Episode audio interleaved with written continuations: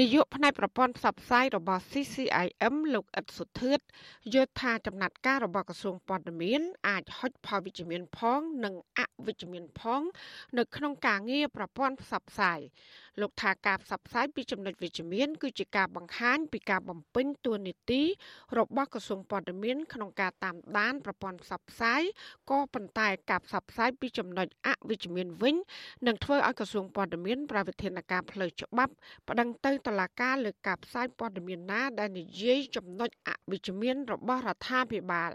លោកយល់ថាក្រសួងព័ត៌មានគួរតែប្រាទូនីតិជាអ្នកណែនាំផ្ដល់វគ្គបណ្ដុះបណ្ដាល និងពង្រឹងសមត្ថភាពរបស់អ្នកសារព័ត៌មាន ទូទីគាត់គាត់ជាតែជាអ្នកដែលជួយណែនាំជួយផ្ដល់វគ្គបណ្ដុះបណ្ដាលក៏ដូចជាពង្រឹងសមត្ថភាពនៃសារព័ត៌មានជាជាងទៅគាត់ដូចថាដើរតួនាទីអ្នកដែលត្រូវប្រឆាំងជាមួយនឹងអ្នកសារព័ត៌មានដែលនៅក្រៅប្រវត្តិរបស់គាត់ទៅដល់ជាគាត់ដើរតួនាទីជាបណ្ដឹងផ្ដល់ទៅដល់អ្នកសារព័ត៌មាននៅដល់មានគាត់គុកច្បាប់ជាដើម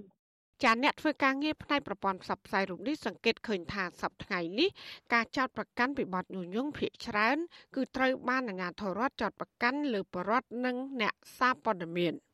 ការប្រួយបារម្ភនេះក្រោយដែលគណៈកម្មការតាមដានផ្សព្វផ្សាយព័ត៌មានคล้ายៗនៃក្រសួងព័ត៌មានឲ្យដឹងថាក្នុងខែកក្កដាកន្លងទៅគណៈកម្មការនេះរកឃើញថាមានការផ្សព្វផ្សាយជាសារនិងវីដេអូពាក់ព័ន្ធនឹងដំណឹងคล้ายៗព័ត៌មានមិនពិតញុះញង់ បំពុលសង្គមនិងប្រមាថថ្នាក់ដឹកនាំសរុបចំនួន161ករណីក្នុងនោះព័ត៌មានញុយញងរិះគន់រដ្ឋាភិបាល និងបដិទ្ធខុសពីការពិតចំនួន102ករណីជាទីភ្នាក់ងារសារព័ត៌មានរដ្ឋកម្ពុជា AKP បានផ្សព្វផ្សាយកាលពីថ្ងៃទី4ខែសីហាឲ្យដឹងទៀតថាក៏មានករណីប្រមាថប្រមាថខ្សាត់និងថ្នាក់ដឹកនាំចំនួន49ករណី ព័ត៌មានមិនពិតនិងបំពុលសង្គមចំនួន3ករណីព័ត៌មានមិនពិតតាមបណ្ដាញសង្គមផ្សេងផ្សេងមាន TikTok និង YouTube ចំនួន7ករណី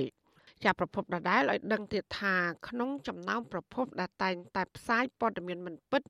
ញុះញង់ប្រមាថគឺមានករណីនឹងទំព័រ Facebook ចំនួន93 ចាប់ប្រតិភូរដ្ឋាភិបាលទទួលបន្ទុកជាអគ្គនាយកព័ត៌មាននិងសោតទោះនិងជាអនុប្រធានអចិន្ត្រៃយ៍នៃគណៈកម្មការតាមដានផ្សព្វផ្សាយព័ត៌មានคล้ายៗលោកផុសសវណ្ណឲ្យស៊ីស្រីដឹងនៅថ្ងៃទី6ខែសីហាថាក្រសួងព័ត៌មាននឹងធ្វើការអប់រំណែនាំឬក៏ឈានដល់ការព្យួរអាជ្ញាប័ណ្ណឬក៏ដកហូតអាជ្ញាប័ណ្ណចំពោះអ្នកសារព័ត៌មានឬក៏អង្គភាពសារព័ត៌មានដែលគ្មានវិជ្ជាជីវៈហើយផ្សាយព័ត៌មានមិនពិតនិងដំណឹង คล้ายៗលោកបន្តថាក្នុងករណីអ្នកសារព័ត៌មានឬក៏ស្ថាប័នព័ត៌មាននៅតែមិនរៀងចាលក្រសួងនឹងប្តឹងទៅតុលាការយើងជួយមកអប់រំណាអប់រំបើអប់រំមិនស្ដាប់ទេយើងអាចមានវិធានការផ្សេងផ្សេងទៀតដែលក្នុងវិធានការហ្នឹងទីវាដកអាជ្ញាប័ណ្ណអីយើងប្តឹងអីចឹងទៅប៉ុន្តែជាជំហររបស់ក្រសួងព័ត៌មានតាំងរហូតដល់នេះអត់មានប្តឹងអ្នកណាមួយទាក់ទងនឹងបញ្ហាឡើយទេគាត់ថាហ្នឹងក៏ជាកំណត់ជាកំណត់ចំហអញ្ចឹងជាកំណត់ថាយើងនឹងធ្វើការងារហ្នឹងបើសិនជាជាធ្ងន់ធ្ងរ ចាទោះជាយ៉ាងណាមន្ត្រីជាន់ខ្ពស់ក្រសួងព័ត៌មានរូបនេះឲ្យដឹងថារយៈពេល2ឆ្នាំនៃការបង្កើតគណៈកម្មការនេះក្រសួងព័ត៌មាននៅមិនទាន់ប្តឹងអ្នកសារព័ត៌មានឬក៏ស្ថាប័នព័ត៌មានណាមួយនៅឡើយទេចាលោកសុននរិនអ្នករាយការណ៍ព័ត៌មានអវិជ្ជាសម្លេងសហរដ្ឋអាមេរិក VOA យល់ឃើញថាក្នុងនាមជាអ្នកសារព័ត៌មានក៏មិនចង់ឲ្យមានការផ្សាយព័ត៌មានคล้ายៗនោះដែរ ចាទោះជាយ៉ាងណាលោកថាលោកសង្កេតឃើញការចាប់ប្រកាន់ពីករណីញុះញង់អាញាធរហាក់មានភាពងាយស្រួលក្នុងការចាប់ប្រកាន់លើបរដ្ឋនិងអ្នកសារព័ត៌មាន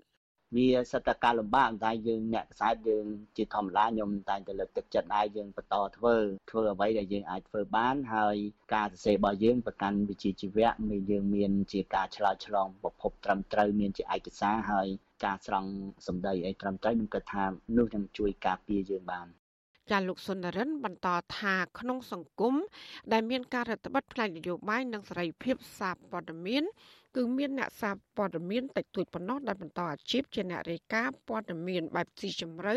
និងមានការឆ្លងឆ្លើយពីគ្រប់ប្រភពត្រឹមត្រូវ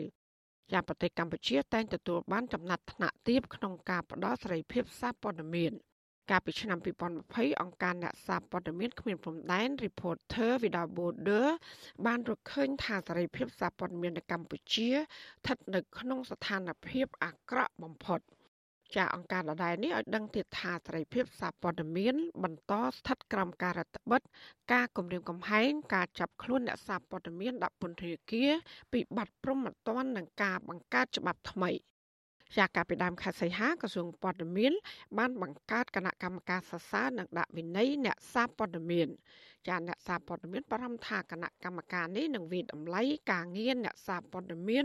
ហើយនឹងដាក់បន្ទុកលើអ្នកសារព័ត៌មានឯករាជ្យចាននាងខ្ញុំម៉ៅសុធានីវិទ្យុអាស៊ីសេរីប្រធានាធិបតី Washington